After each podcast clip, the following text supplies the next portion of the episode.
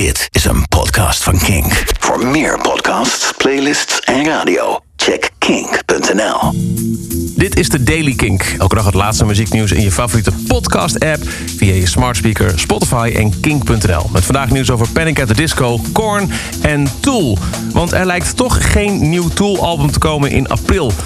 Vorige maand leek de drummer van de band dat te suggereren... tijdens een handtekeningensessie. Hij werd toen gefilmd door een fan die hem vroeg... komt er ook een nieuw album? Aangezien de band weer gaat toeren.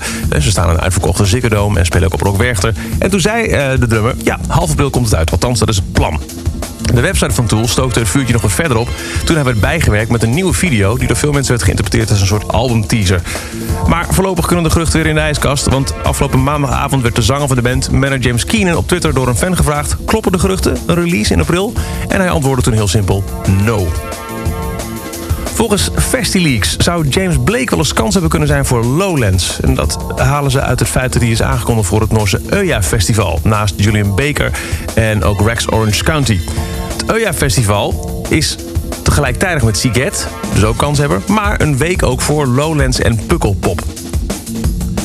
Vlieland heeft Into the Great Wide Open. Ter Schelling krijgt Eilan, een nieuw festival. 12 tot en met 15 september met een behoorlijke dance- en elektronica georiënteerde line-up. Met daarop nu al Jungle by Night, Marabou State, Apparaat, Mr. Scruff, Colin Mendes en Weeval Duo.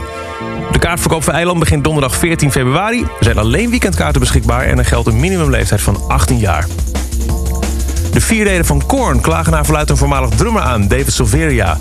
Die werd in 2006 uit de band gezet. En toen is er een overeenkomst gesloten dat in, uh, waarin werd gezegd dat hij een vast bedrag zou krijgen in plaats van nog toekomstige royalties. Maar Silveria klaagde al vrij snel dat hij niet goed werd betaald door Korn.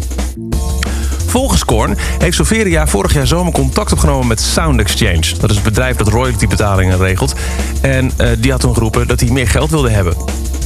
De band zegt dat ze Silveria hebben gecontacteerd... om te vertellen dat dit contact met Sound Exchange... in directe strijd was met zijn schikkingsovereenkomst... en hem gevraagd om die uh, uh, claim in te trekken. Blijkbaar heeft Silveria dat niet gedaan. En als reactie op dit hele dispuut heeft Sound Exchange... vooralsnog alle openstaande betalingen naar Korn bevroren. En vanwege het akkefietje zegt het de band... dat ze tot nu toe 290.000 dollar aan royaltybetalingen hebben verloren. En tenslotte Panic at the Disco. Die heeft uh, gezworen om fans die de zanger Brandon Urie willen kussen tijdens een liveshow uit concerten te verwijderen. Die woorden komen van Wack Hall, bandlid. Op Twitter beloofde hij dat fans die te handtastelijk worden tijdens Death of a Bachelor... het nummer waarbij Brandon Urie de menigte inloopt, uit de zaal te verwijderen. Ik ben er helemaal klaar mee. Deze onzin over het kussen van Brandon tijdens de Death Walk, schreef Hall op Twitter. Als ik het zie, word je eruit gegooid. Einde discussie.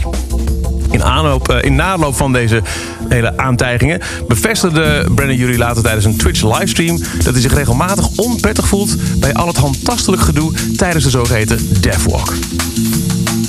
Tot zover de Daily Kink voor 6 februari. Elke dag het laatste muzieknieuws. En als er zijn de belangrijkste releases, wil je niks missen, vergeet je dan niet te abonneren op deze podcast in je favoriete podcast app.